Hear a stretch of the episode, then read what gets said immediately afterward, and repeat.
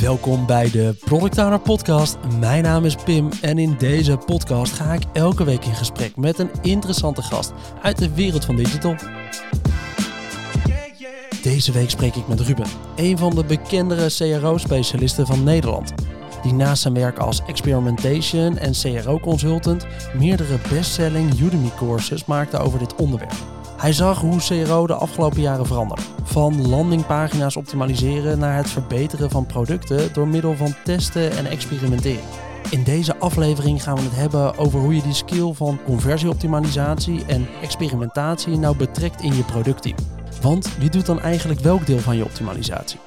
Hey, leuk om je vandaag in de podcast te hebben, Ruben. Ja, dankjewel. Leuk om uh, hier te zijn. Ik vind het echt tof uh, om hier, uh, hier eens even op in te gaan. Want ja, ik heb de afgelopen tijd de kans gehad om CRO'ers in een productteam te hebben. Maar dat is toch wel een beetje puzzelen hoe je dat nou eigenlijk doet. En ik wil wel eens even horen wat jullie kijk er nou op is. CRO is tegenwoordig wel echt even wat meer geworden dan gewoon landingspagina's optimaliseren. Hè? Ja, absoluut. Ik denk ook dat de, de naam CRO überhaupt niet meer past bij de rol die wij nu steeds meer gaan uh, bekleden en de vragen die ik ook steeds meer krijg. Ja, want waar was wat was de oorsprong? Waar kwam die term vandaan en wat was toen het doel van die rol? Ja, het, zat, het is natuurlijk begonnen heel erg in de marketinghoek. Ja. Bij het optimaliseren van voornamelijk landingspagina's. Ja. En dat is natuurlijk voor marketing voordelig, want dan gaat de uh, cost of acquisition gaat naar beneden, uh, want je conversie is hoger. Ja. En dan krijgen ze hopelijk meer budgetten, kunnen ze in marketing inzetten, enzovoort, enzovoort. Dus het komt daar heel erg vandaan. Uh, en dat was echt conversie-optimalisatie of conversion rate optimization in het Engels. Maar die mindset en die manier van werken van het optimaliseren, die is natuurlijk, kan je veel breder inzetten. Wij als mensen zijn heel slecht in het maken van beslissingen. Ja. Uh, dat zien we ook in ons data. Hè, een beetje een vuistregel in de markt is dat alles wat je aanpast op, op, op digitale producten, op je website, nou 75% daarvan heeft helemaal geen invloed op je, uh, op je belangrijkste KPI's of ja. heeft slechts, uh, zelfs een significant slechte invloed erop. um, en 25% helpt wel de gebruiker en helpt wel je doelen. Ja. Dus eigenlijk zijn we heel slecht in het maken van beslissingen. Dat is ook heel duidelijk uit de psychologie natuurlijk. Uh, en vandaar dat een stukje experimenteren en het testen van je ideeën en van je hypotheses, dat ja. is zo belangrijk. Niet alleen voor marketing, maar ook voor het verbeteren van je producten. Ja, cool. Ja, wat je net zegt doet me weer denken aan de aflevering die we hier met Thijs Verhul opnamen, de oude eigenaar van United Wardrobe. Uh, die vertelde dat ze in al die jaren zoveel hebben geëxperimenteerd, maar dat er eigenlijk maar twee functies zijn die daadwerkelijk echt grote impact hadden op hun doelen. Volgens mij waren dat het winkelmandje toevoegen waarmee ze van meerdere klanten producten konden samenvoegen. En het makkelijker maken om verzendlabels af te drukken of zo. Hij zei, verder hebben we zoveel geëxperimenteerd. Maar ja, we hadden het ook niet verwacht. Maar dit waren degene met de meeste impact. Leuk, ja. Uh, inderdaad, uh, ik, ik, zie over het algemeen 25 procent. Gelukkig hebben online dialogue zit natuurlijk met een professioneel team, met, ja. uh, met, met, met mensen met veel ervaring, met een team van psychologen, analisten, designers. Dus wij zitten in onze data, een grote database zit op 40, 45 procent. Ja. Maar ja, ook wij kunnen nooit goed raden wat een experiment gaat doen. Nee. Uh, en je moet ook niet verdrietig zijn inderdaad als een experiment niet leidt tot het doel wat je had gesteld. Je hebt dan alleen uitgevonden wat er niet werkt op dat moment en gewoon verder met een volgende iteratie en het weer verder uitzoeken. Ja, klopt. En, en dat soort experimenten die een negatieve impact hebben op onze KPI's, die noemen we dan, noemen we dan vaak verliezers. Daar ben ik ontzettend tegen. Ja. Um, want het is pas een verliezer als je het niet test en direct doorvoert zonder te experimenteren. En dat Juist. gebeurt heel veel in de markt. Ja. ja, je gebruikers last van, de je doelen hebben er last van. Ja.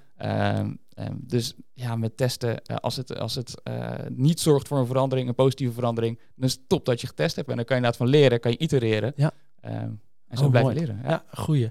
En waar komt jouw persoonlijke fascinatie voor CRO nou vandaan? Want als ik jou volg op LinkedIn, dan zie ik constant posts voorbij komen en je bent hier volle bak mee bezig.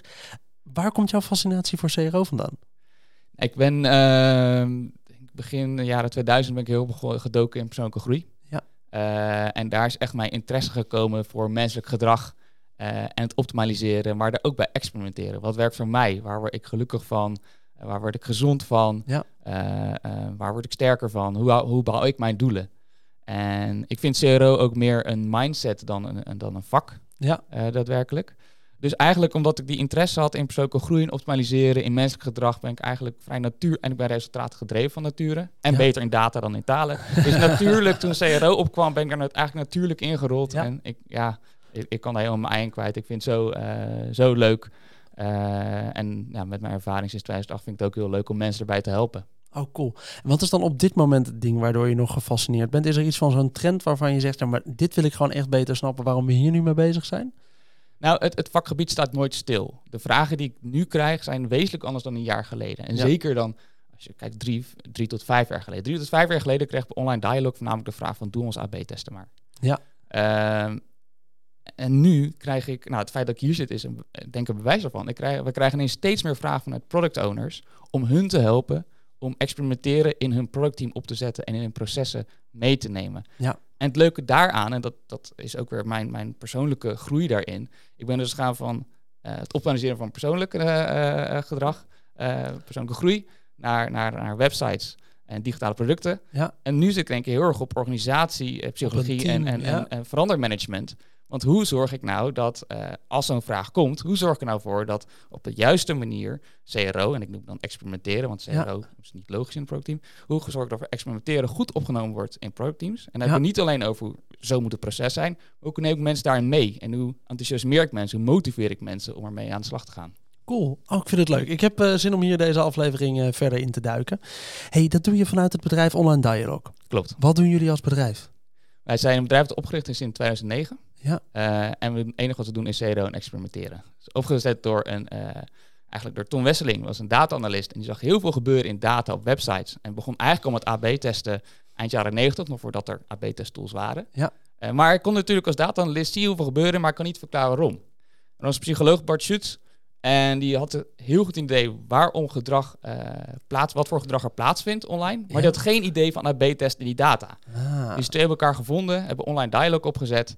En uh, het is nu 14, bijna 15 jaar later. Oh, staan we hier en ja. doen we nog steeds experimenteren. Precies, met name consulting op hoe je dit soort dingen nou eigenlijk doet. Experimentatie in je teams en dat soort zaken. Ja, ja, ja. en dat begon dus echt met alleen maar AB-tests op landingspagina's. Ja. Naar nu uh, het begeleiden van het samenvoegen van processen. Die CRO-specialisten uit die silo halen en in productteams neerzetten. Hoe leren productteams om te experimenteren? Ah. we zitten steeds vaker zitten we alleen in het Center of Excellence en helpen we heel veel teams om te experimenteren Ja. binnen een organisatie. Dus het wordt steeds strategischer. Wat cool. Hey, naast online dialog, je werkt daar en daarna gaan we echt uh, volledig dat hoofdonderwerp induiken. Maar ik vind het leuk om dit soort dingen te benoemen, omdat het ook volgens ja. mij de luisteraars echt wel een beetje een beeld geeft van naar wie zitten we vandaag te luisteren. Je bent ook op een gegeven moment begonnen met zelf courses maken online. Klopt. Dat is nogal iets om aan te beginnen, want het kost vrij veel werk om ergens zo'n course neer te zetten. Maar er zijn wel veel mensen die dit beter willen snappen. En het is ook wel lekker als ze een soort training kunnen terugkijken en zo. Wanneer ben je begonnen met uh, Udemy courses en waarom? Ja, die, die vraag krijg ik natuurlijk vaak. Um, ik ben er vijf jaar geleden mee begonnen. Ja. En het is eigenlijk voortgekomen uit, uit een aantal zaken. Ik heb het zelf moeten leren, natuurlijk. Uh, en toen was er nog weinig. En op een gegeven moment kwamen er wel steeds meer cursussen. Dus ik heb eerst zelf alle fouten gemaakt. En Ja. toen kwamen al cursussen. Maar het waren allemaal business-to-business cursussen. Ja. Dus die waren vrij prijzig. Ja. Uh, sommige vond ik ook veel te lang. Maar dat is natuurlijk logisch. Want je kan niet een cursus van 6 uur verkopen voor 2000 euro. Dus maak er 120 uur van. Ja. Uh, en, dan zit, en dan zit je 10 uur te luisteren. En denk je, ja, dat je hem ook in 5 minuten kan uitleggen. Uh, en ik heb als steeds de vraag gehad, hoe gaan nou mensen die nog geen werkgever hebben en niet deze budgetten hebben, hoe gaan die nou dit vakgebied leren? Ja. Nou, daarnaast geloof ik heel erg dat als je je, je, je passie vindt in je werk en het geeft je energie, ja, waarom zou je er niet een paar uur per week extra aan besteden uh, als het je toch energie geeft om anderen te helpen en te inspireren? Ja. Uh, nou, die paar uur per week is uh, iets meer geworden. uh, het is een flink uit de hand gelopen hobby geworden. Ja. waarbij ik inderdaad nu vijf cursussen op Udemy heb staan. Ja. een nieuwsbrief. intussen heb ik 13, bijna 13.000 studenten wereldwijd in mijn, Wow. mijn cursussen zitten. En die cursussen verkopen voor nou, 10 tot 15 euro. Waarbij het grootste deel naar het platform gaat Ja. en de Belastingdienst. Dus ik hou er zelf heel weinig aan over. Ja. Maar ik krijg wel heel veel leuke berichten van mensen die ik heb geholpen in, in een carrière. En dat, uh, dat is wel een target. Als je over de 10.000 leerlingen heen bent op zo'n cursus, lijkt me wel uh, een mooi feestje om te vieren. Ja, absoluut, absoluut. Ik heb er ook laatst een internationale award voor gehad voor mijn bijdrage in het vakgebied. Uh, onder andere vanwege mijn Udemy cursussen. Dus dat, oh, mooi man. dat is ook weer leuk. Nou cool, nog meer reden om dat onderwerp eens even in te duiken. We hebben het al een beetje benoemd, zo door de intro heen en wat eerste antwoorden. Want de oorsprong van CRO, dat komt uit de term in, uh, in het Engels conversion rate optimization. Dat ja. was het doel. Het ging er in de basis om dat met name vanuit advertentiecampagnes was in eerste instantie volgens mij het doel. We gingen adverteren, daar kwamen mensen op een landingspagina terecht. En waar we achter kwamen is dat we stuurden 100 mensen naar die landingspagina toe, maar nou, er klikte er misschien eentje door en dan had je het goed gedaan. Ja. Maar ja, op een gegeven moment dachten ze, oké, maar dan hebben we nu dus onze advertenties heel goed opgezet op alle kanalen. Hebben we die mensen nou op die pagina? Nou moeten we nog zorgen dat die mensen gaan converteren. Daar kwam een soort van de CRO-rol op zijn plek, toch? Ja, klopt. klopt dat is zich nu een beetje aan het voortzetten. Want nou, we zien dat dat steeds meer mensen ook wel een beetje als een basisskill onder de knie krijgen, lijkt me toch? Om beter te snappen waarom er nou eigenlijk mensen afhaken op zo'n pagina en wat ze nou wel kwamen zoeken. Want het gaat vaak om iets geven wat die gebruiker wil zien in plaats van iets wat jij als bedrijf heel graag wil vertellen op die pagina. Nu gaat CRO een volgende kant op. En dat zeg je net al een beetje. Het gaat om in teams een soort mindset krijgen van experimenteren. Klopt. Kun je me daar wat meer over vertellen? Hoe ziet dat er nu uit en hoe zou dat de komende jaren een beetje meer moeten gaan vormen bij bedrijven die daar nog niet zo mee bezig zijn? Ja, het is echt, uh, zoals een consultant antwoord altijd is, het hangt ervan af. uh, het, is, het is heel verschillend. Ik denk dat we moeten beseffen dat we in Nederland doen het eigenlijk heel erg goed. Ja. Uh, we hebben natuurlijk, kijk, Online Dialog bestaat sinds 2009, heeft een groot bereik gehad. We hebben natuurlijk Booking, die hier in Nederland is begonnen en heel erg met experimenteren bezig is geweest. Dus je merkt door een aantal factoren, waaronder deze, dat Nederland ja, best voorloopt op, uh, op de rest van de wereld. Ik denk dat de Verenigd Koninkrijk, Duitsland, die zijn ook vrij goed en Amerika ook. Uh, maar in andere landen gebeurt er nog heel weinig. Um, en dat merk je nu ook gewoon bij bedrijven nog steeds. Je merkt wel in Nederland nu dat een CRO-specialist, dat is gewoon standaard. Die heb je eigenlijk altijd wel ergens rondlopen in de organisatie. Ja, die is gewoon een bekende rol geworden ja, in veel bedrijven. Precies. Ja. precies. Heeft even geduurd, maar dat is nu wel het geval. En je ziet nu inderdaad dat die transitie komt uh, dat uh, experimenteren steeds meer, of CRO dus eigenlijk, uh, steeds meer naar de productteams toe gaat. Ja. en dat is, heeft ook te maken met, hè, vroeger vierden we feest als we iets hadden opgeleverd in productteams. output-driven. Ja. En nu komt toch steeds meer het besef van, ja, maar wat voor effect heeft dat eigenlijk op ons doelen, op onze gebruikers? Dus we worden steeds meer outcome-driven. En dan komen we toch achter dat we eigenlijk heel, nou ja, zoals eerder gezegd, heel slecht zijn in, in dat voorspellen. Ja. Uh, ik ook nog steeds. Uh, dat blijft fascinerend menselijk gedrag. um, en hoe je zelf erover nadenkt. Dus dat, het is logisch dat nu steeds meer experimenteren die kant op gaat. Ah, wat goed. De basis van waarom dus experimenteren, waarom we meer die kant op gaan, is dat we dus zien dat het niet meer per se gaat om het opleveren van producten, zoals zeker in een projectorganisatie echt een ding was. Hè. We gingen gewoon, we wilden iets hebben, we gingen bouwen, het werd opgeleverd en het doet het toch? Oké, nou dan zal het wel goed zijn. Dan is dat onze checkmark, dan gaan we iets anders doen. Ja. Daarna kregen we steeds meer die productteams gefocust op één specifiek onderdeel van zo'n bedrijf en dat behandelen ook als een product dat elke keer beter moest worden. Nou, daar waren we ook een keer aan het opleveren, maar er wordt nog steeds op niet heel veel plekken altijd gemeten wat dan het verschil is. Ja. En wat je net zegt, ik vind het wel een mooi, uh, een mooi staartje. Ja, merendeel van de experimenten, experimenten die je gaat doen, gaat in principe leiden tot een niet positief resultaat. Oké, wacht eventjes. Dus je moet wel experimenteren voordat je met iets live gaat, in plaats van het alleen maar langs je tester laten gaan en gewoon live pushen. Ja. Is dat een beetje het risico dan wat daar zit? Nou, daar zit zeker een risico. En dat heeft ook te maken met die mindset in die van die productteams. Als, als het mindset is, we moeten gewoon dingen opleveren. Ja. En je gaat experimenteren en 65% van wat je oplevert, kan je meteen weer eh, de prullenbak in gooien.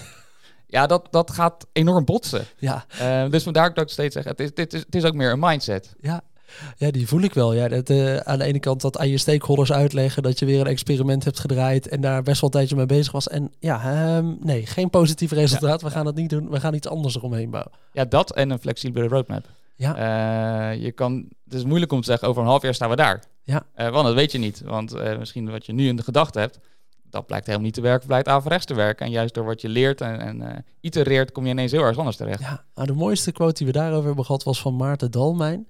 Die zat hier in de podcast en die vertelde dat uh, hoe vaster en hoe strakker je je roadmap zet, hoe minder de neiging je nog hebt om met je gebruikers te gaan praten. Ja.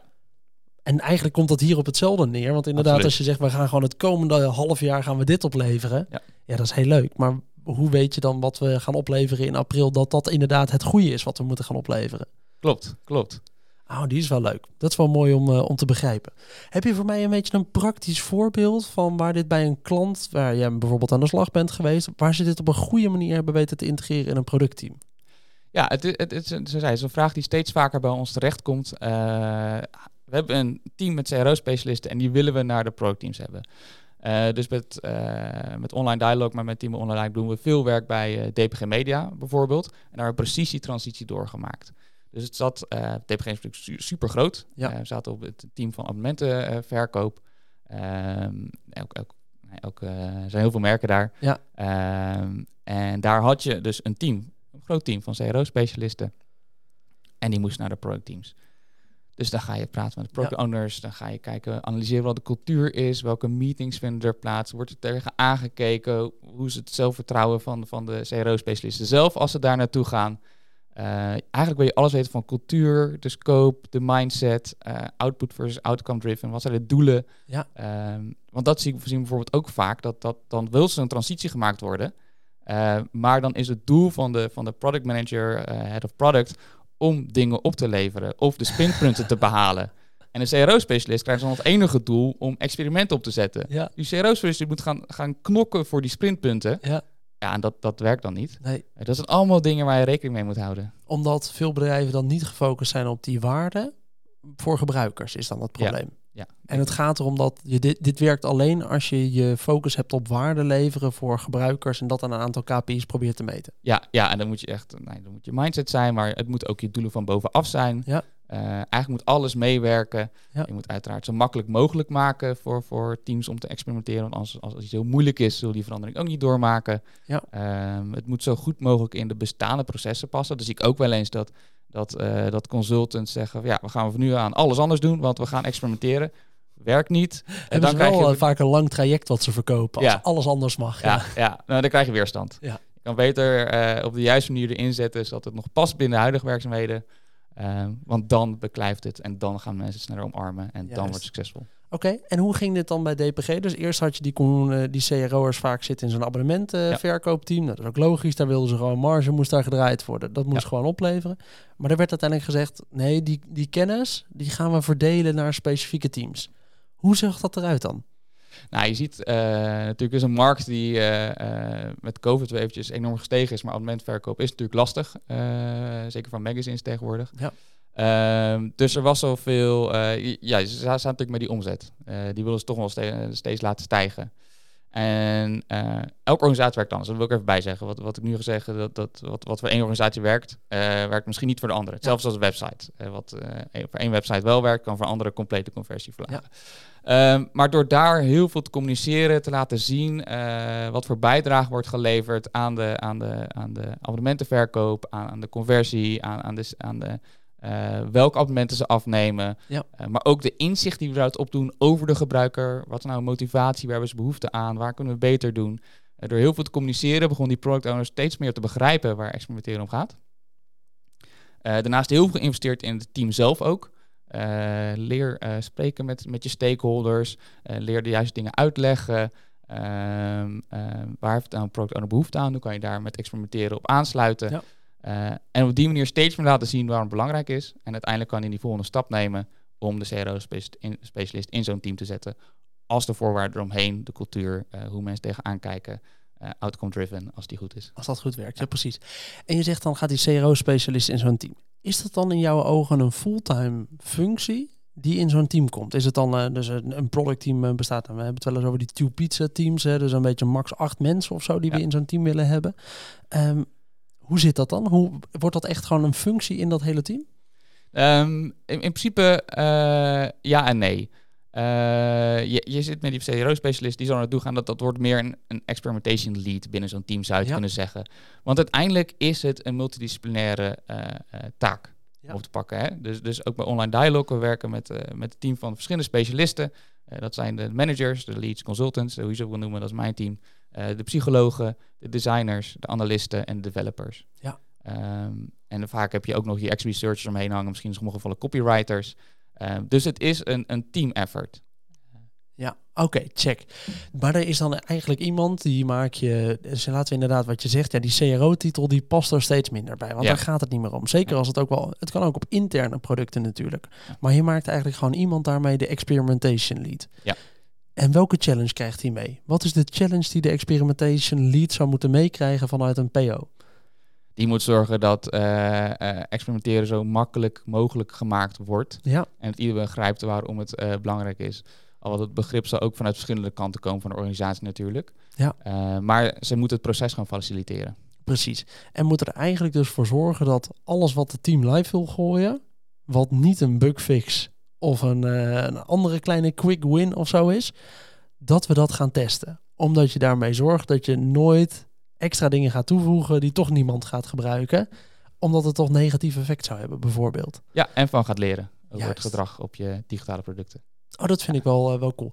Zou je het ook die rol als soort van experimentation lead kunnen beleggen bij een van je developers of bijvoorbeeld bij je UX'er in je team? Zeker, zeker. Ik denk dat, ik denk dat CRO uh, zoals, nu, zoals nu kunnen uit elkaar gaat vallen. Ja. Ik denk dat je binnen marketing absoluut nog een CRO-specialist kan hebben. Die moet dan heel erg samenwerken uh, met, met de teams daar. Precies, met ehm, campagnes gewoon goed draaien. Ja, ja, ik denk ook steeds meer met uh, data engineers voor hyperpersonalization en AI. Um, en dan in de product teams, dan verwacht ik dat, dat je functie uit elkaar gaat vallen aan de delivery kant en aan de discovery kant. Ja. Uh, aan de discovery kant zal veel meer UX research zijn, veel meer kleine, snelle testjes. En hoe makkelijker AB-testen wordt, uh, hoe meer focus erop zal zijn in de discovery teams.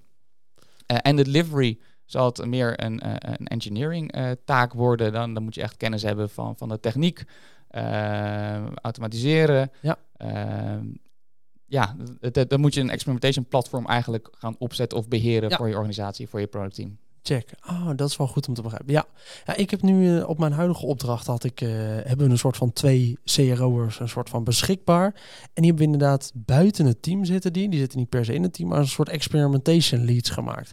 En zeker als we dan met meerdere teams aan één nieuwe functie moeten werken. Dus we zijn nu bezig met het bundelen van zoekresultaten bijvoorbeeld. Dus als iemand begint te zoeken in de webshop, dat we zoekresultaten met elkaar gebundeld krijgen.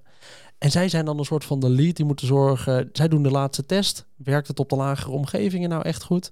Oké, wanneer starten we het experiment? En wat is ook lang genoeg om zo'n experiment te dragen, draaien? Want wij zijn nog wel eens, ah, twee weken, eh, kom op, dan eh, zijn we er doorheen, dan weten we het resultaat. Nee, na twee weken zijn we pas gestabiliseerd. We willen hem in ieder geval drie weken draaien. Oké, kunnen we dit experiment ernaast draaien? En zij zijn een soort van mijn validatiepartner die dan zeggen deze kan er wel naast, dit kan er niet naast, want dit zou te veel invloed hebben. Uh, en die ook een soort van zorg dragen dat de meetbaarheid goed gaat van die experimenten. Klopt. Dat is een soort van hoe die nu voor mij heeft gewerkt, een beetje. Ja. Ook wel weer een grappige exercitie eigenlijk, waarbij die een soort van, als een soort externe, daar heb ik gewoon zelf dan niet volledige controle over als PO, maar ik kan gewoon iemand anders eigenlijk aanroepen van oké, challenge even deze experimenten, hoe lang moet dat dan draaien en is het dan ook meetbaar en dat soort zaken. Ja, absoluut. Dat is eigenlijk wat we ook steeds vaker zien. Dat er een soort van center of excellence staat van een klein groepje ervaren specialisten. Ja. Uh, daar word ik vanuit online leiding ook vaak bij gehaald om het Center of Excellence te ondersteunen. En die zorgen ervoor dat experimenteren in de productteams uh, zo soepel mogelijk verloopt met zo'n hoog mogelijke kwaliteit. Ja. maar ook zo makkelijk mogelijk natuurlijk. Oh, cool. Heb je een voorbeeld waar jij uh, in een team hebt gezeten waarbij je bepaalde experimenten waar je echt les uit hebt gehaald? Waar jullie misschien ook wel je kop stoot op een bepaalde manier hoe jullie aan het aan doen waren en wat je daar uiteindelijk van hebt geleerd? Uh, ja, altijd. Van, van elk experiment kan je leren. Ik denk dat de leukste experimenten zijn degene waarbij je samen gaat leren. Dus waar ineens andere afdelingen bij betrokken uh, komen. En dat kunnen ook hele verrassende afdelingen zijn, zoals legal. Die, willen dan, die, die hebben dus die, die wetten en die regels veranderen natuurlijk continu. Uh, GDPR, privacy-wetgeving, ja. cookie-wetgeving. Zeggen, dit moet je zo aanpassen op de website. dus pas het aan. Als je dan in de beta laat zien, maar dit zorgt ervoor dat we 10% minder ons doelen behalen. 10% minder logins, 10% minder conversies, wat het ook is. Misschien kunnen we samen gaan kijken hoe we het binnen de wet kunnen, maar wel wat fijn is voor gebruikers ook. Ja. En dan heb je ineens een, een, een, extra afdeling erbij die heel enthousiast is, want die begrijpt ineens waarom we doen wat we doen. Juist. Oké, ik denk dat je hier wel een heel goed punt maakt. Want uh, wat er in heel veel organisaties gebeurt, is dat veranderingen die nodig zijn, die worden gewoon gepusht. Er wordt gewoon gezegd, we, moeten, we zijn veranderd van de partij die onze verzending doet van onze pakketjes. Of we zijn veranderd van de partij die onze cookie banner uh, beheert. Het kunnen de simpelste dingen zijn, maar dat moest voor legal, was dit gewoon de logische manier om het te doen. Er komt één extra vinkje bij. Maar het toepassen van dat extra vinkje zonder te testen, wat doet dat extra vinkje met je gebruiker, is eigenlijk ja, gewoon jezelf in de voet schieten. Want je hebt geen idee wat het nou eigenlijk voor invloed heeft. En pas na maanden, nadat heel die fase door is gewerkt, kom je er dus achter. Ah ja, dat extra vinkje vinden onze gebruikers niet zo fijn, want daar staat blijkbaar dit in. En dat breekt gewoon conversie op het moment. Ja, en dat, dat is ook een hele leuke constatering. Nu hebben we het echt over legal. Het gaat om elke afdeling, maar van legal kan je zeggen van ja, er komt een nieuwe wet aan, die moet je doorvoeren op je website. Ja. Ehm, en dan zien wij in ons data dat het helemaal niet verstandig is. Ja. En dan kun je afvragen, ja, hoe goed heeft de overheid het wel uh, over nagedacht en getest? Maar zo bijvoorbeeld ook, uh, ook de leukere experimenten vind ik uh, binnen, binnen product, binnen marketing, wat, wat ik is, dat, dat je ehm, gaat leren van experiment op experiment, dus een meta-review. Ehm, en dat je die learnings volgens deelt aan een organisatie. En dat mensen er wat mee gaan doen. Dus hebben we bijvoorbeeld, nou, onder andere bij DPG Media hebben we een case waarbij we heel veel geleerd hadden. En dan vond de, uh, de offline marketeer, zo zegt, uh, die, die, die vond het zo interessant. hebben ze meegenomen reclamecampagnes op tv en in APRI's in bushokjes. Of bij een andere grote klant, Beter Bed, hadden we een winnaar. of continu werd bevestigd van, hey, dit werkt voor de klant. dus is het ook meegenomen in de winkels. Okay. En dat zijn leuk, want dan krijg je samenwerkingen, dan krijg je mensen enthousiast. En dan kan je cultuur van experimenteren breder en breder neerzetten. Ja, dan ga je er gewoon met z'n allen van leren door te experimenteren. Ja. Hey, als je nou een luisteraar bent en je zit in een, uh, in een B2B product, wat een intern product is, dus je hebt interne gebruikers. Moet je dan ook bezig zijn met experimenteren? Ja, ik vind het absoluut. Um, ik zeg het ook tegen alle teams waar ik werk. Uh, je hebt die mindset om uh, je website, je digitale producten verbeteren, gebaseerd op gebruikersonderzoek. Ja. Hè? En, en je wilt je zo goed mogelijk afstemmen op de gebruiker. Ja. Nou, als jij nou wil dat die collega naast jou ook gaat experimenteren, ja. gebruik dan die mindset en doe hetzelfde. Ja. Je, kan naar, je kan naar de hele organisatie update-e-mail sturen, uh, maar als niemand ze leest, dan kan je beter iets anders proberen. Maar weet je wel of mensen het lezen? Um, en dat geldt natuurlijk ook voor dat team dat straks, uh, of dat mogelijk verantwoordelijk is voor de tools, voor de techniek, voor de automation, ja, uh, voor de AB-test tool. Je, je, je collega's zijn eigenlijk je klanten van die tools. En doe je wel als onderzoek of je collega's het gebruiken zoals ze het moeten gebruiken. Of ze het fijn vinden. Waar lopen ze tegenaan? Ja. Uh, en dan ga je nou ja, continu dat ook verbeteren. Dan kom je er eigenlijk pas achter dat je gebruiker, ja, dat jouw gebruiker inderdaad van die interne tool eigenlijk helemaal niet zocht naar die functie die jullie weer hebben opgeleverd. Ja. Cool, ik ben, het er, uh, ik ben het ermee eens. Ik zeg meer experimenteren, meer een soort valideren ook wat wel, niet, uh, wel en niet werkt. En, en ook al zit je dus op een intern product, dan zou je daar nog mee bezig moeten zijn. Absoluut. Cool. Volgens mij hebben we een heel mooi beeld neergezet van het betrekken van een soort van de oude CRO-skill. Die misschien wel nu een soort van de experimentation lead moet worden in je team. Die er eigenlijk voor verantwoordelijk is. Dat er iemand in het team is die zegt: hier moeten we eerst mee experimenteren. De kans is namelijk groter dat het geen succesvolle uh, implementatie is en geen uh, klantsucces oplevert, dan dat het wel klantsucces op gaat leveren. Uh, dus ik vind dat we het moeten gaan testen. En ik denk dat dat heel mooi is om eens even rond te kijken in jouw team. Heb je nu iemand die zich daar verantwoordelijk voor voelt en die dit ook blijft challengen met het team? Um, ik zou nog wel eventjes willen begrijpen, nu we dan toch aan het uh, delen zijn over informatie delen mm. met, uh, met mensen. Uh, wat is jouw eigen manier van jezelf nog ontwikkelen? Lees jij bepaalde boeken? Is er een podcast waarvan je zegt, die moet je... Of ik heb laatst die persoon gesproken, daar heb ik van geleerd. Hoe ontwikkel jij jezelf nog? Nou, zoals aangegeven, ik, ik kom vanuit persoonlijke optimalisatie, dus eigenlijk ben ik er continu mee bezig. Uh, ik lees inderdaad veel boeken. Als ik ergens tegenaan loop, of als ik ergens iets wil verbeteren. Ja. Uh, als ik mijn voeding wil verbeteren, als ik sporten wil verbeteren, als ik slaap wil, dan lees ik er graag boeken over. Ja. Maar ik spreek ook heel veel mensen in de industrie, uh, op congressen, maar ook op LinkedIn, waar ik zelf op post en daar leuke reacties op komen en dat we weer van elkaar leren. Ja. dus ik spreek gewoon heel veel mensen en ik leer eigenlijk ook gewoon heel veel van klanten natuurlijk. Elke klant is anders, elke klant vraagt anders. Is er nog één boek wat er voor jou echt bovenuit springt, waarvan je zegt, die moet iedereen even lezen? Ik vind Switch van uh, de gebroeders Heap vind ik ontzettend goed. Cool. En die gaat over? Over gedragsverandering. Over, gedragsverandering. In, de brede, in de brede zin. Ja. Dus zowel persoonlijk als organisatieverandering. Cool. Laten we de aflevering nog even samenvatten in de grote lessen. En volgens mij zijn we dan mooi door dit hele verhaal heen voor onze luisteraars. De grote lessen. Welke tip wil je mensen meegeven op een post-it? Hou je CRO-specialisten naar de productteams toe. Ja. Uh, en ontwikkel experimenteren vanaf daar, zodat het een gedeeld goed wordt, waarbij iedereen verantwoordelijk is voor goede experimenten. Om, zo, nou, dan wordt het lang voor een post-it, uh, om een zo fijn mogelijk gebruikerservaring te geven. Mooi. Jongens, jullie krijgen zo'n grote A5 post-it mee van Ruben.